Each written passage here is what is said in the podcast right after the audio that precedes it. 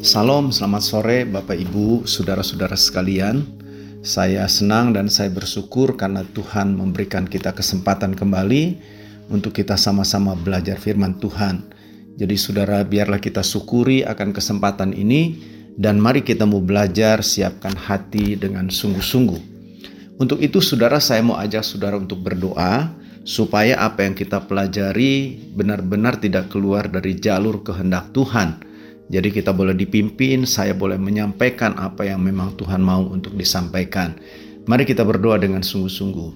Bapa di surga, terima kasih buat sore hari ini, karena oleh anugerahmu kembali kami diberikan waktu untuk kami mendengarkan setiap kebenaran firman. Tuhan, tolong kami, biarlah hati kami siap untuk ditaburi oleh kebenaran firman Tolong hambamu untuk dapat menyampaikan seperti apa yang Tuhan mau. Itu sebabnya berikan pewahyuan, berikan inspirasi dari sorga, roh kudus menguasai hati, pikiran, mulut hambamu untuk dapat menyampaikannya apa yang kau memang mau sampaikan. Terima kasih Bapa, bungkus kami dengan kuasa darahmu sehingga tidak ada satu benih firman yang dicuri oleh si jahat. Ampuni segala dosa kami, biarlah kami boleh layak menerima kebenaran firman pada sore hari ini. Kuasamu bekerja pada saat firman diberitakan, kuasa tanda-tanda heran dinyatakan, sehingga Tuhan engkau yang dipermuliakan. Terima kasih Bapa, terpujilah namamu di dalam nama Yesus. Haleluya, haleluya. Amin. Saudara-saudara yang kekasih dalam Tuhan, hari ini saudara kita berada di antara hari kenaikan Tuhan Yesus dan juga hari Pentakosta nanti pada hari Minggu yang akan datang ini. Nah, Bapak Ibu Saudara sekalian, saya ingin mengajak saudara untuk coba kita melihat peristiwa-peristiwa dalam kaitan dengan kenaikan Yesus ke sorga, lalu dalam kaitan juga tentu dengan roh kudus yang dijanjikan itu, yang hari pencurahannya itu yang kita sering dengar dengan sebutan hari Pentakosta, akan kita rayakan pada minggu tanggal 28 yang akan datang ini. Nah, saudara-saudara, ketika saya membaca dalam Injil Yohanes pasal yang ke-16, di mana di sana ada pembicaraan percakapan Yesus dan murid-muridnya. Dan percakapan itu saya lihat menyangkut tentang rencana Yesus yang akan naik ke sorga kembali kepada Bapa. Saudara ada satu kalimat yang menarik perhatian saya dan ini menjadi perenungan buat kita sekalian. Saudara di dalam ayat yang ketujuh, ini ayat yang mungkin sering kita dengar. Saudara dibilang oleh Tuhan Yesus begini, dikatakan, namun adalah dikatakan namun benar yang kukatakan ini kepadamu. Jadi ini satu kebenaran yang disampaikan oleh Yesus, apa isinya? Dibilang adalah lebih berguna bagi kamu jika aku pergi. Sebab jika alau aku tidak pergi, dikatakan penghibur itu tidak akan datang kepadamu. Tetapi jikalau aku pergi, aku akan mengutus dia kepadamu. Saudara kita tahu apa maksud perkataan Yesus ini. Tetapi yang saya ingin ajak lebih fokus untuk kita coba renungan perkataan Yesus yang berkata lebih berguna. Jadi dikatakan adalah lebih berguna kalau aku tidak tidak ada maksudnya bersama-sama lagi dengan murid-muridnya. Jadi lebih berguna kalau aku ini pergi. Tentu kata berguna di sini ditujukan kan kepada murid-muridnya. Jadi dengan kata lain akan lebih bermanfaat, lebih besar, bermanfaat lebih lagi untuk murid-muridnya jikalau aku pergi. Tapi kalau aku terus bersama-sama dengan kamu, memang pasti bermanfaat. Tetapi jika dibandingkan kalau Yesus itu pergi kembali ke sorga, itu jauh lebih dikatakan berguna, bermanfaat bagi murid-muridnya. Nah, bagi saya, saudara, kalimat ini tentu menimbulkan satu pertanyaan.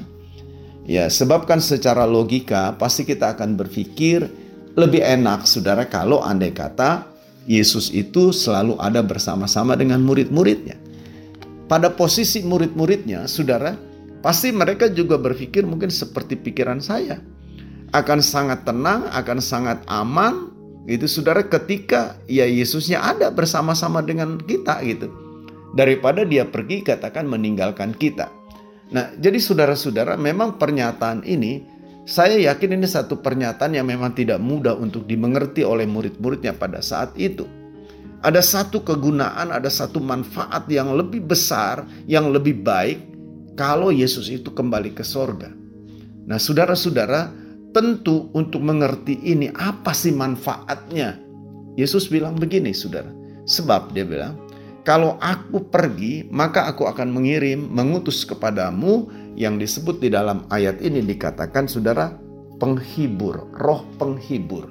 Kita tahu saudara yang dimaksud adalah roh kudus. Jadi saudara Yesus bilang dengan aku pergi itu pasti akan lebih bermanfaat. Kenapa? Karena dia bilang dengan aku pergi nanti aku akan mengutus yaitu roh penghibur. Disebut juga dalam perikop itu roh kebenaran gitu sudah. Yang dimaksud adalah roh kudus ini Nah, saya uh, tidak mau membahas panjang lebar tentang Roh Kudus. Saya percaya sudah mengerti. Roh Kudus adalah pribadi Allah, ya. Dia adalah pribadi Allah dalam ketritunggalannya, Bapa, Anak, dan Roh Kudus.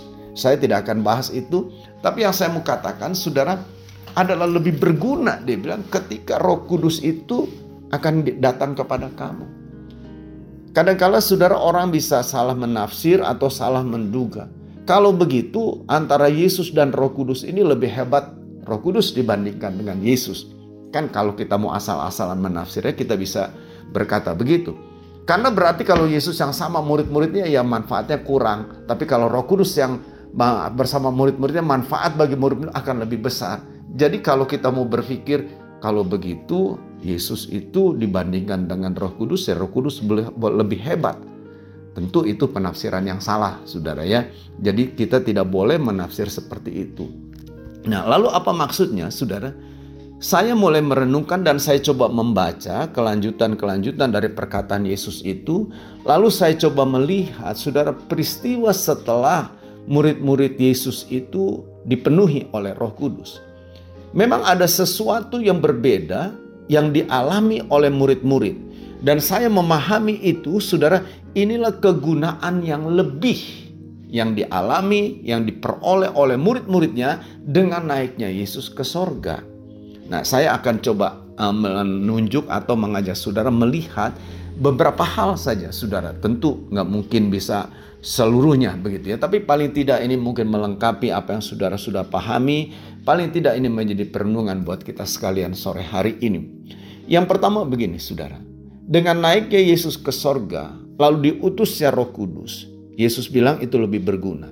Apa maksudnya lebih berguna? Kegunaan seperti apa? Saya melihat yang pertama, dengan hadirnya roh kudus di dalam kehidupan kita, saudara-saudara, itu lebih nyata lagi. Artinya lebih nyata dalam arti kesatuan kita, kebersamaan kita ini dengan Allah. Ya.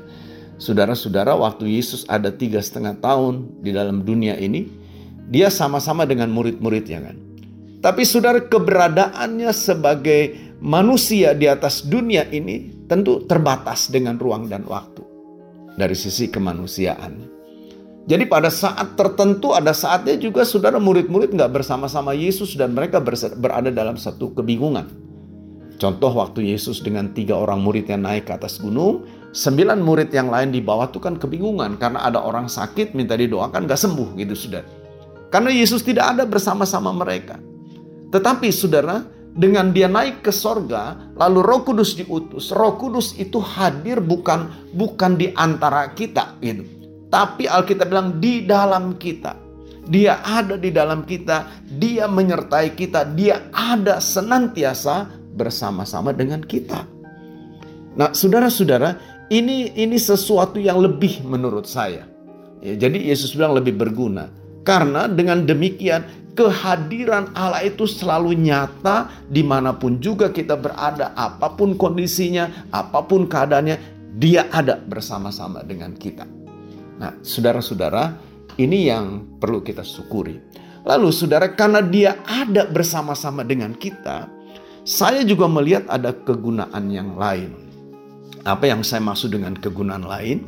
Saudara, rupanya Yesus ingin membawa murid-murid ini masuk dalam satu dimensi kehidupan yang lebih dibandingkan daripada waktu Yesus sama-sama dengan mereka. Saya bilang tadi memang Yesus mengajar mereka, melatih mereka, kasih makan mereka macam-macam gitu kan, memperlihatkan mujizat dan sebagainya. Tetapi saudara sekarang dengan hadirnya Roh Kudus di dalam murid-muridnya itu, Yesus mau bukan mereka itu hanya sekedar apa ya? Jadi penonton gitu. Jadi murid yang dengar gitu saudara lihat bagaimana Yesus melakukan pelayanan melakukan mujizat. Tapi dengan hadirnya Roh Kudus di dalam mereka itu Yesus ingin menjadikan Yesus ingin agar murid-murid ini bertindak mulai action bukan sekedar dengar gitu saudara. Wah cara Yesus melayani mendoakan orang sakit begini menghadapi ahli Taurat orang Farisi katakan ketika bersoal jawab oh harus jawabnya begini. Bukan cuma itu.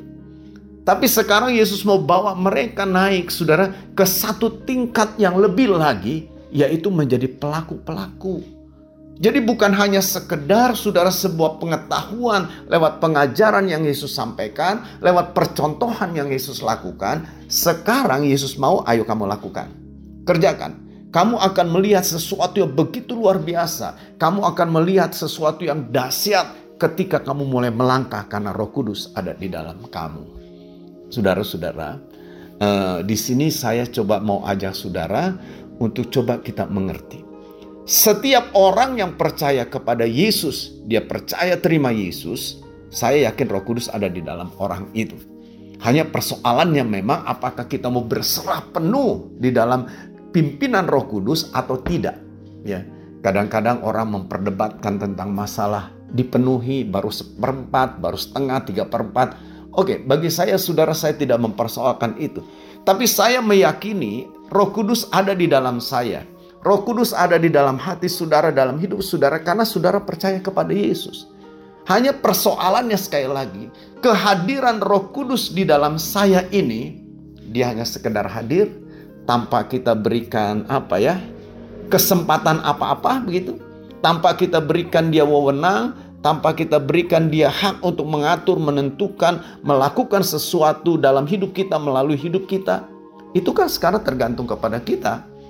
Artinya saudara yang saya tahu Tuhan itu bukan pribadi yang suka maksa gitu. Tapi dia memerlukan saudara satu hati yang mengrela berserah penuh dengan sepenuh-penuhnya Tuhan Roh Kudus aku berserah penuh. Biarlah kira seluruh kehidupanku itu dikuasai olehmu, diatur olehmu. Nah itu saudara menurut saya itulah dipenuhi roh kudus ya. Jadi kehidupan kita dikendalikan, dipimpin oleh roh. Paulus bilang Barang siapa yang hidupnya dipimpin oleh roh itu adalah anak-anak Allah. Jadi kita lihat kesejatian kita sebagai anak-anak Allah. Ketika roh kudus itu kita berikan ruang seluas-luasnya dalam hidup kita. Untuk mengatur, menguasai, memimpin, membimbing kita. Nah saudara, dengan demikian, maka saudara, kita nanti tidak akan lagi menjadi penonton. Kita tidak akan lagi menjadi orang-orang Kristen, murid-murid Tuhan yang fasik Ya sudahlah datang ke gereja dengar khotbah selesai.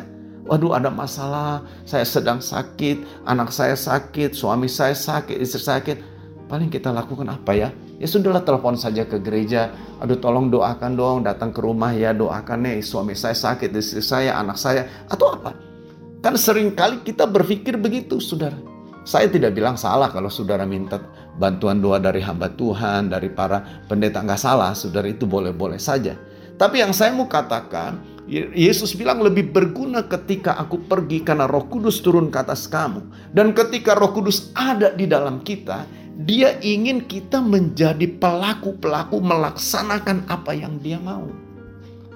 Saudara itu kan nampak dalam kehidupan murid-murid Yesus. Kita bisa lihat, saudara bisa baca dalam kitab kisah para rasul. Saudara, tadi pagi nih saya mulai merenung begini. Kan setelah Pentakosta itu setelah murid-murid dipenuhi, Petrus khotbah gitu sudah. Wah dia khotbah, lalu 3000 orang bertobat gitu kan terima Yesus. Saya sempat pikir gini saudara. Kalau saya pengen khotbah, saya pengen bawakan renungan ini aja kan saya harus persiapan. Saya baca Alkitab, saya berdoa, saya catat-catat, saya tulis-tulis. Paling tidak, kalaupun itu mungkin saya ingat-ingat ini poin-poin akan saya sampaikan. Saya berdoa Tuhan bagaimana harus ini. Tapi kalau Petrus, saudara, Kan nggak persiapan tuh saudara. Jadi dia tidak persiapan dalam arti, oh dia baca dulu kira-kira saya mau sampaikan apa ya nantinya di depan orang ini. Atau ketika dia lihat orang banyak, wah ini kesempatan untuk khotbah, nanti tunggu dulu. Dia mungkin pikir dulu atau sepertinya kan enggak.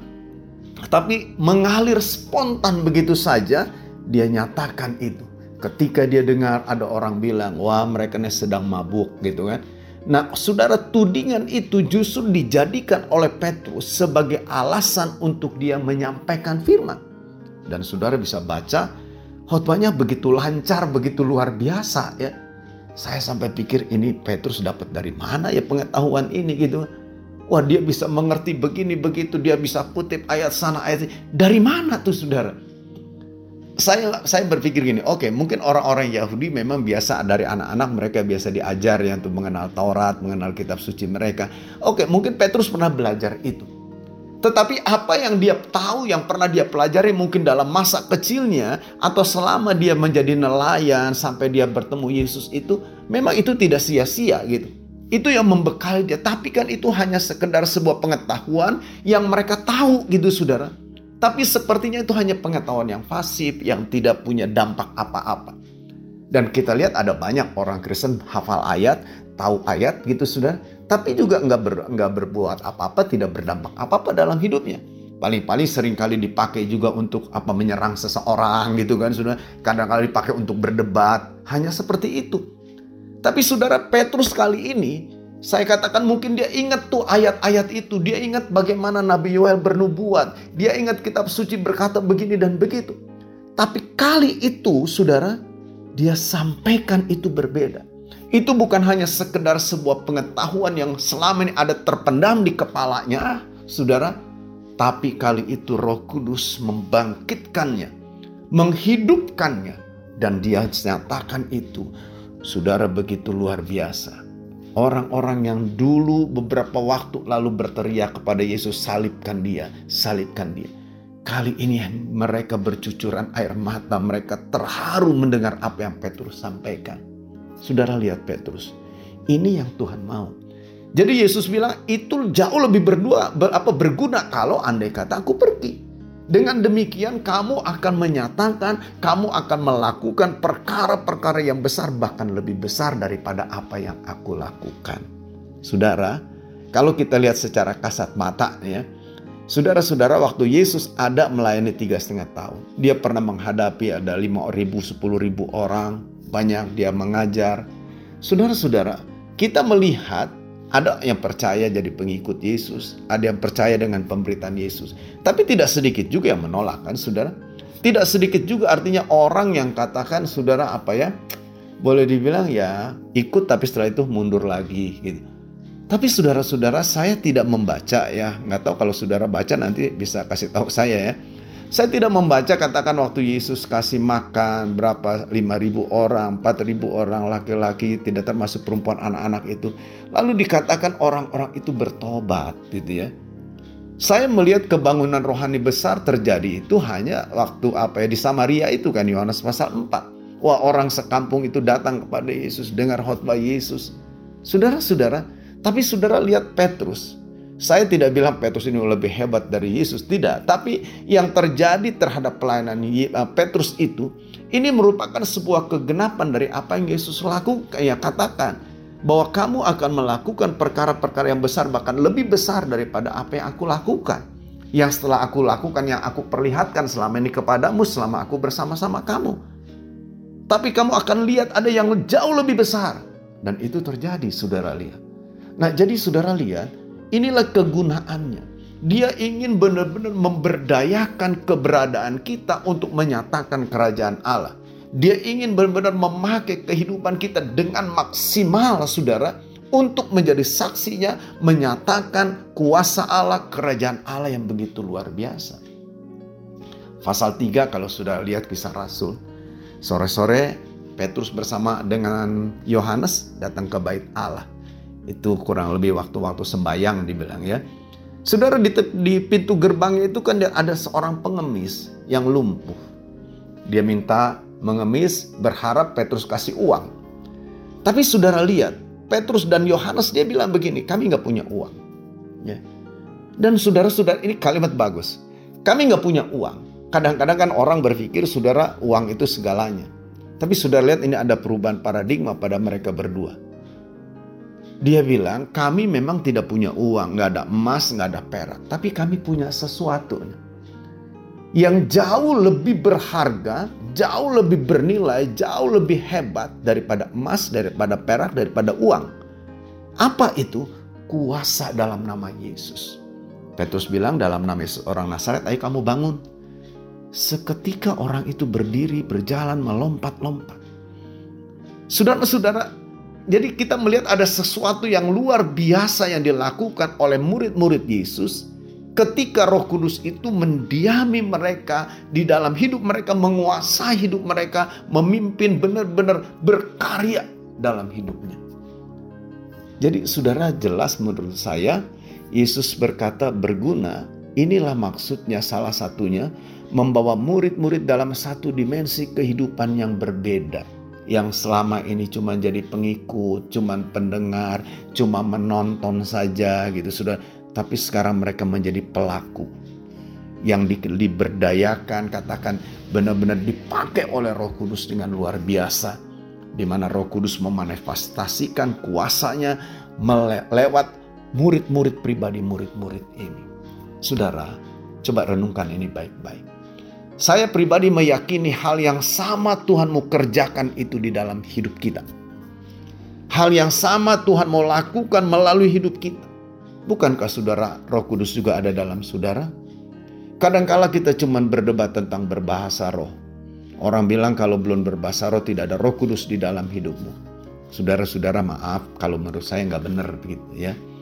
Kadang kalau orang berdebat tentang berbahasa roh. Wah pelayanannya kering. Dia belum dipenuhi roh kudus karena belum berbahasa roh. Maaf saudara menurut saya, saya kalau saya pribadi berpandangan nggak seperti itu gitu sudah. Saya yakin roh kudus ada di dalam setiap orang yang percaya karena memang Alkitab bilang begitu. Tapi memang persoalannya seperti tadi saya katakan, apakah kita mau berserah penuh mengizinkan memberikan ruang seluas-luasnya di seluruh sisi kehidupan kita untuk diatur, dipimpin oleh Roh Kudus itu. Saudara-saudara, itulah menurut saya kepenuhan Roh Kudus itu di mana Roh Kudus menguasai seluruh kehidupan kita. Jadi bukan hanya sekedar berbahasa roh, saudara. Itu menurut saya hanya salah satu tanda karunia yang Roh Kudus berikan kan. Ada sembilan karunia, saudara. Salah satunya berbahasa dalam bahasa bahasa roh itu. Jadi saudara-saudara mari. Saya percaya Tuhan ingin memberdayakan kita, ingin menyatakan kuasanya, kemuliaannya melalui hidup kita. Sadarkah kita akan hal itu? Jangan saudara pikir ya itu kan hanya untuk Pak Ferry saja sebagai hamba Tuhan, sebagai pendeta. Itu kan untuk dia saja yang khotbah sana sini, mengajar sana sini. Ya saya siapa gitu. Kadang-kadang kita tuh menjadi mengecilkan roh kudus saudara. Saudara ingat saya mau katakan sekali lagi sungguh-sungguh nih. Saudara percaya Yesus, kalau saudara percaya sungguh Roh Kudus ada di dalam hidup saudara. Persoalannya sekali lagi sejauh mana saudara memberikan ruang kepada Roh Kudus untuk menguasai hidupmu, mengatur hidupmu, memimpin, membimbing, membawa saudara. Itu persoalannya hanya di situ. Saya mungkin punya label katakan saya sebagai pendeta, sebagai gembala. Tapi kan itu bukan jaminan saudara untuk saya dapat dipakai luar biasa oleh Roh Kudus. Belum tentu juga, saudara, dalam arti ya kalau saya tidak mengizinkan memberikan ruang kepada Roh Kudus dalam hidup saya, saya hidup menurut maunya saya, mood pikiran saya saja, ya sudahlah, begitu saja kan saudara, Roh Kudus tidak akan paksa. Nah, jadi saudara mari, ini satu kegunaan yang sangat luar biasa. Dengan dilengkapinya murid-murid dengan Roh Kudus ada di dalam hidup murid-murid itu, saudara lihat penyebaran berita Injil, penyebaran, penyataan kuasa-kuasa Allah begitu luar biasa, saudara. Jadi saya berpikir harusnya kalau saja setiap kita ini, saudara, benar-benar memberi ruang seluas-luasnya bagi Roh Kudus bekerja dalam hidup kita. Harusnya sangat begitu dahsyat. Kita akan masuk dalam satu dimensi kehidupan yang bukan hanya sekedar kehidupan yang bersifat jasmani, yang segala sesuatunya dapat diukur dengan akal, dengan otak kita. Saya percaya ketika kita masuk dalam satu dimensi Roh Kudus, dalam satu dimensi kehidupan yang dipenuhi dikuasai oleh Roh Kudus, kita akan masuk dalam satu dimensi di mana mungkin hal-hal yang tidak masuk akal itu itu terjadi dalam hidup kita. Saudara-saudara, ini kegunaan yang Tuhan mau, ya. Dan saudara-saudara yang kedua yang saya mau bilang begini juga. Kenapa dia berguna? Karena ternyata, saudara, ketika seseorang dikuasai, dipenuhi oleh Roh Kudus, dia bukan hanya saudara menyatakan kuasa kemuliaan Allah dengan luar biasa, bukan hanya itu. Tapi di sisi yang lain kita lihat, dia akan menghadapi tantangan. Tantangan yang gak ringan, saudara. Ini saudara harus mengerti. Artinya saya lihat ada banyak orang tidak seimbang dalam hal ini. Mereka berpikir hanya berpasar lalu mereka wah menikmati suasana enak, itu sukacita, waduh penuh damai. Oke mungkin itu benar lah katakan gitu sudah. Tapi kita tidak boleh lupa saudara. Tantangan demi tantangan untuk orang-orang yang dikuasai oleh roh kudus itu. Itu datang bisa terjadi bahkan saudara bisa lihat dalam kehidupan murid-murid. Petrus sama Yohanes setelah katakan menyatakan nama Yesus dengan kesembuhan si lumpuh itu. Ditangkap saudara, dimasukin ke dalam penjara, besoknya diadili, diancam semikian rupa saudara. Saudara itu kenyataan. Jadi di satu sisi kita melihat saudara sepertinya ada sebuah peperangan. Ketika seseorang dikuasai oleh roh kudus dan dia memanifestasikan, melakukan, diberdayakan dengan maksimal oleh roh kudus yang ada di dalamnya itu, di satu sisi pasti akan ada yang terganggu. Siapa yang terganggu? Saudara itu adalah iblis. Iblis tidak akan diam, dia tidak akan ya sudahlah biarin saja gitu saya kalah, nggak begitu. Dia akan berupaya sedemikian rupa, saudara, untuk mengacaukan, katakan untuk bikin kacau itu saudara. Dan sayangnya saya kadang-kala lihat gini saudara, ada banyak orang-orang memberikan kesempatan sama iblis untuk bikin kacau. Jadi bukan dipakai Tuhan, tapi justru dipakai oleh iblis saudara untuk bikin kacau itu semua. Saudara-saudara mari, saya mau aja sudah jangan kita salah, jangan kita terjebak. Saya tahu akan ada banyak tantangan-tantangan kehidupan, baik dalam hidup pribadi, keluarga, dalam pekerjaan, maupun dalam pelayanan, ketika kita memberi ruang seluas-luasnya kepada Roh Kudus. Saudara-saudara, tapi saudara perlu tahu, Roh Kudus tidak akan pernah kalah. Dan saya yakin orang-orang yang dipenuhi, orang-orang yang dikuasai sepenuhnya oleh Roh Kudus, dia tidak akan pernah kalah oleh tantangan-tantangan yang dihadapi.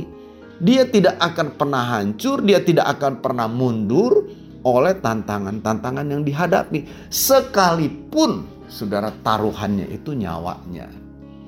Nah, bahkan kalau saudara baca kitab kisah para rasul, setelah peristiwa Pentakosta, itu tantangan yang dihadapi makin hari bukan makin ringan. Wah makin meningkat saudara. Awalnya Petrus diancam gitu kan. Tapi kita lihat lalu dimasukin dalam penjara. Ada temannya tuh siapa Yakobus ya dipenggal kepalanya gitu kan. Lalu Petrus juga mau dimas apa dimasukin penjara dengan berharap besoknya mau dihukum mati.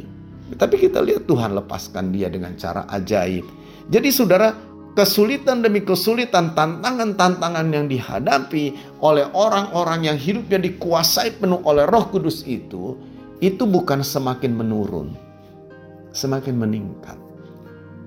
Kenapa begitu, saudara? Jangan saudara pikir, wah kalau begitu buat apalah sudah saya nggak mau lah dikuasai Roh Kudus, nggak, saya nggak mau mengalami apa dipenuhi, tidak mau memberikan ruang sebebas-bebasnya untuk Roh Kudus, sebab nanti saya akan mengalami tantangan makin berat, makin berat, makin berat.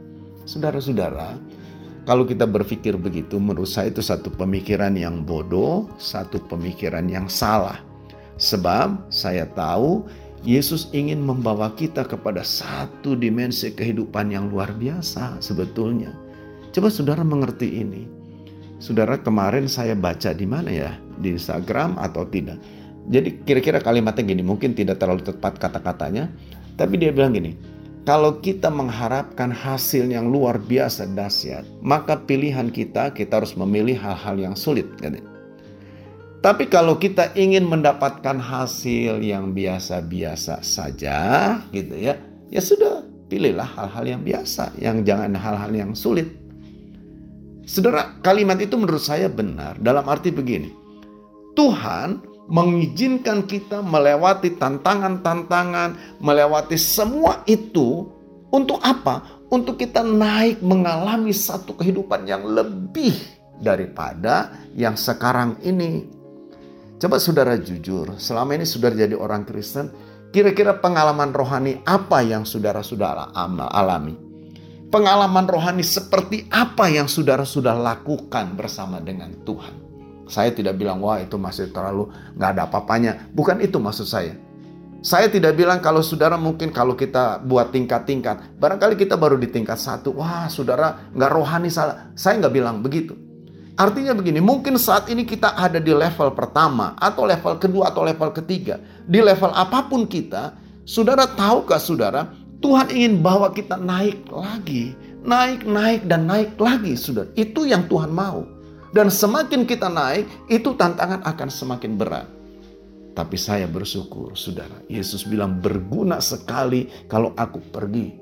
Roh Kudus akan ada di dalam kamu. Nah, Roh Kudus yang ada di dalam kita inilah yang akan menolong kita, yang akan memampukan kita menghadapi semua tantangan itu. Dan saya percaya kita akan menang. Bahkan Alkitab bilang lebih daripada pemenang. Bukan karena kita hebat, bukan karena kita jago, wah bukan karena kita punya pengetahuan, tapi karena roh Allah, roh kudus itu ada di dalam kita. Dia yang memimpin kita, dia yang membawa kita kepada kemenangan. Saudara-saudara, beberapa hari yang lalu ada seorang anak muda telepon sama saya. Dia telepon dan dia bilang begini, uh, apa namanya? Uh, kata-katanya mungkin gak sama nih ya, tapi maksudnya gini, saya lihat dia seperti kehilangan arah tujuan hidup dia. Wah mau begini hidup nggak enak lah susah begini segala macam begitu saudara. Jadi saudara-saudara saya bilang begini. Selama ini dari apa yang kamu katakan kesimpulan saya kamu hidup hanya mengejar tujuan kamu, ekspektasi-ekspektasi kamu, bayangan-bayangan kamu gitu. Dan ternyata nggak tercapai kan? Kamu kecewa gitu. Tapi saya bilang kalau kamu kembali sama Tuhan dengan sungguh-sungguh. Serahkan hidupmu, biarkan dipimpin oleh roh Allah itu. Mungkin roh Allah akan membawa kamu ke jalan-jalan yang sulit. Tapi dia ada di dalam kamu dan dia akan membawa kamu masuk dalam kemenangan yang belum pernah kamu rasakan. Bapak ibu saudara sekalian yang mendengarkan mutiara jiwa sore hari ini. Saya sangat percaya apa yang Alkitab katakan itu ya dan amin. Roh Kudus ada di dalam saudara, dia ada di dalam kita, dalam saya di dalam kita semua sebagai orang yang percaya Yesus. Dan tahukah saudara, dia ingin berkarya besar dalam hidup kita. Bukan hanya mengubah pribadi kita yang mungkin gak beres. Bukan hanya mengubah yang tadinya karakter kita nih acak-acakan, gak karuan, diperbaiki. Bukan hanya itu, itu pasti saudara. Tapi dia ingin pakai kita dia ingin menyatakan kerajaan Allah melalui hidup kita. Dia ingin menyatakan kuasa Allah melalui kehidupan kita. Dia ingin menyatakan segala kemuliaan bagi dunia ini melalui hidup kita. Tahukah saudara? Saya nggak tahu nih saudara percaya atau tidak dengan apa yang saya katakan ini. Kadang kala kita pikir apa benar ya Tuhan mau pakai saya. Saudara-saudara, jangan pernah berpikir bahwa Tuhan hanya memakai katakan para pendeta, para hamba-hamba Tuhan. Bukan. Setiap kita, bukankah dikatakan oleh Petrus kita ini adalah orang-orang dipanggil keluar dari kegelapan kepada terang yang ajaib. Untuk apa? Memberitakan, menyatakan tentang kuasa Allah, kemuliaan Allah itu. Saudara, siapa sih Petrus sama Yohanes? Apa dia orang sarjana teologi, master teologi, dokter teologi? Enggak juga. Alkitab jelas bilang orang-orang kenal mereka berdua orang-orang biasa, orang sederhana yang tidak berpendidikan. Tapi kita lihat melalui kehidupannya, dia menyatakan hal-hal yang luar biasa. Saya mau katakan dengan sungguh, Tuhan mau lakukan itu dalam hidup saudara, melalui hidup saudara. Itu sebabnya. Buka hatimu, berikan ruang seluas-luasnya kepada Roh Kudus untuk bekerja, memberdayakan saudara, memakai saudara untuk masuk dalam satu dimensi kehidupan, satu dimensi pelayanan yang tidak biasa-biasa saja tapi satu dimensi yang luar biasa. Dan itu akan Tuhan lakukan dalam setiap kehidupan kita yang mau berserah penuh, memberi ruang sepenuh-penuhnya bagi Roh Kudus. Tuhan Yesus berkati kita semua. Amin. Mari kita berdoa, saudara. Terima kasih Tuhan buat kebenaran firman yang kami dengar pada sore ini. Roh Kudus bekerja dalam setiap kami yang sudah mendengar. Nyatakan, yakinkan, teguhkan kebenaran ini Tuhan. Ubahkan pola pikir kami. Kalau selama ini kami hanya memandang diri kami sebagai orang-orang yang tidak berdaya, tidak bisa apa-apa. Tapi biarlah hari ini kami boleh terbuka dan mengerti. Kami mau berikan ruang seluas-luasnya dalam hidup ini bagimu ya Roh Kudus. Bagi engkau Allah yang ada di dalam kami. Berkaryalah, bekerjalah, nyatakan kuasamu dalam hidup kami juga melalui hidup kami. Terima kasih Bapak, berkati seluruh pendengar sekalian. Biarlah firman ini memberkati, mengubah, memakai mereka luar biasa. Berkati setiap pribadi, keluarga demi keluarga diberkati, usaha pekerjaan yang Tuhan percayakan kepada setiap anak-anakmu juga Tuhan berkati. Buka jalan, berikan kekuatan bagi mereka yang sedang menghadapi pergumulan-pergumulan hidup. Tolong Tuhan. Terima kasih Bapak. Biar kiranya berkatmu turun atas setiap pribadi, anak-anakmu, hamba-hambamu, gereja-gerejamu, di mana pun juga. Tuhan berkati mereka. Bahkan kami berdoa bangsa kami, buat kota-kota yang selama ini di mana suara kebenaran firman itu diperdengarkan, Tuhan biarlah kiranya Engkau memberkati. Lawat bangsa kami, lawat kota kami ini. Terima kasih Tuhan, sekali kami bersyukur buat kesempatan yang indah saat ini. Segala pujian, segala hormat hanya bagi nama Tuhan. Di dalam nama Tuhan Yesus Kristus. Haleluya, haleluya. Amin. Amin.